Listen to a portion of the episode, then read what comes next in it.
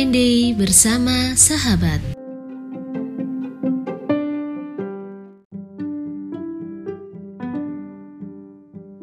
Kancil lomba lari dengan siput.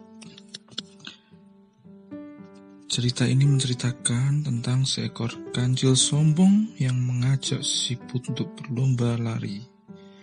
Lantaran siput memiliki kebiasaan yaitu berjalan lambat. Pada suatu masa di dalam hutan, terdapat seekor kancil yang tengah berlarian. Kemudian, ia tidak sengaja bertemu dengan seekor siput yang ada di pinggir sungai. Kancil yang sangat sombong tersebut pun meledek tikus lantaran siput hanya mampu berjalan lambat. Sementara kancil bisa berlari-lari sesuka hatinya. Dengan sangat angkuh, akhirnya si kancil pun berkata kepada siput. Hai siput, apakah kamu berani beradu balapan lari denganku? Ucap kancil dengan nada sombong dan dia tahu bahwa sang siput sudah pasti akan menolak, antara tidak pernah mungkin menang mengalahkan sang kancil. Namun, yang terjadi adalah di luar dugaan. Siput tersebut menerima tantangan si kancil. Akhirnya kedua membuat kesepakatan dan menentukan hari tanding mereka yang akan balapan lari. Akhirnya semua sepakat dan si kancil pun tidak sabar menunggu hari H di mana perlombaan tersebut digelar.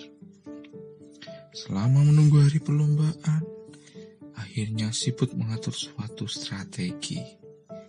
Siput mengajak teman sesama Siput yang lain untuk berkumpul dan menceritakan perihal tantangan dari si kancil, yaitu mengajak lomba lari. Akhirnya, mereka pun berdiskusi sesuatu agar berhasil menang di dalam pertandingan tersebut.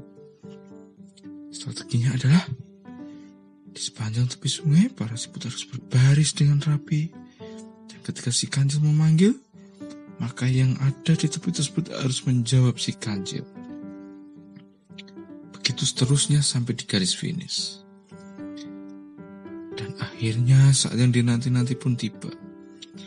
Hampir seluruh penghuni hutan datang untuk menyaksikan pertandingan balap lari antara si kancil dengan siput. Keduanya pun sudah bersiap-siap berdiri sama di garis start dan perlombaan siap dimulai. Pemimpin adu larinya bertanya kepada keduanya, Apakah kalian siap? Keduanya pun menjawab, Siap. Maka pemimpin adu lari tersebut pun mengatakan, Mulai! Keduanya spontan berlari dan si kancil langsung berlari dan memakai kekuatan penuhnya. Dan sesudah berapa jarak berlari, kancil pun merasa kelelahan. Nafasnya pun mulai tak karuan dan terengah-engah. Ia pun berhenti sejenak di jalan semanggi memanggil sang siput. Put, siput, ujar kancil. Ya, aku di sini. Jawab siput sembari berjalan dengan lamban di hadapan sang kancil. Si kancil pun merasa kaget. Antara siput tersebut sudah ada di tepat di hadapannya. Ia pun tidak jadi istirahat dan langsung bergegas berlari sekuat tenaga. Ia pun merasa sangat lelah dan mulai kehausan. Nafasnya seperti hampir habis dan terengah-engah. Capek. Saat itu yang kembali manggil sang siput. Saat itu kancil mengira bahwa siput masih ada di belakang dia. Padahal ternyata siput-siput sudah ada di depannya.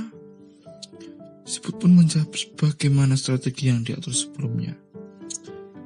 Melihat tersebut kancil akhirnya kembali berlari. Hingga akhirnya ia merasa sangat lelah dan tidak kuat lagi. Alhasil ia pun menyerah kepada siput. Semua penghuni hutan merasa terkejut Kancil bisa mengalah kepada siput.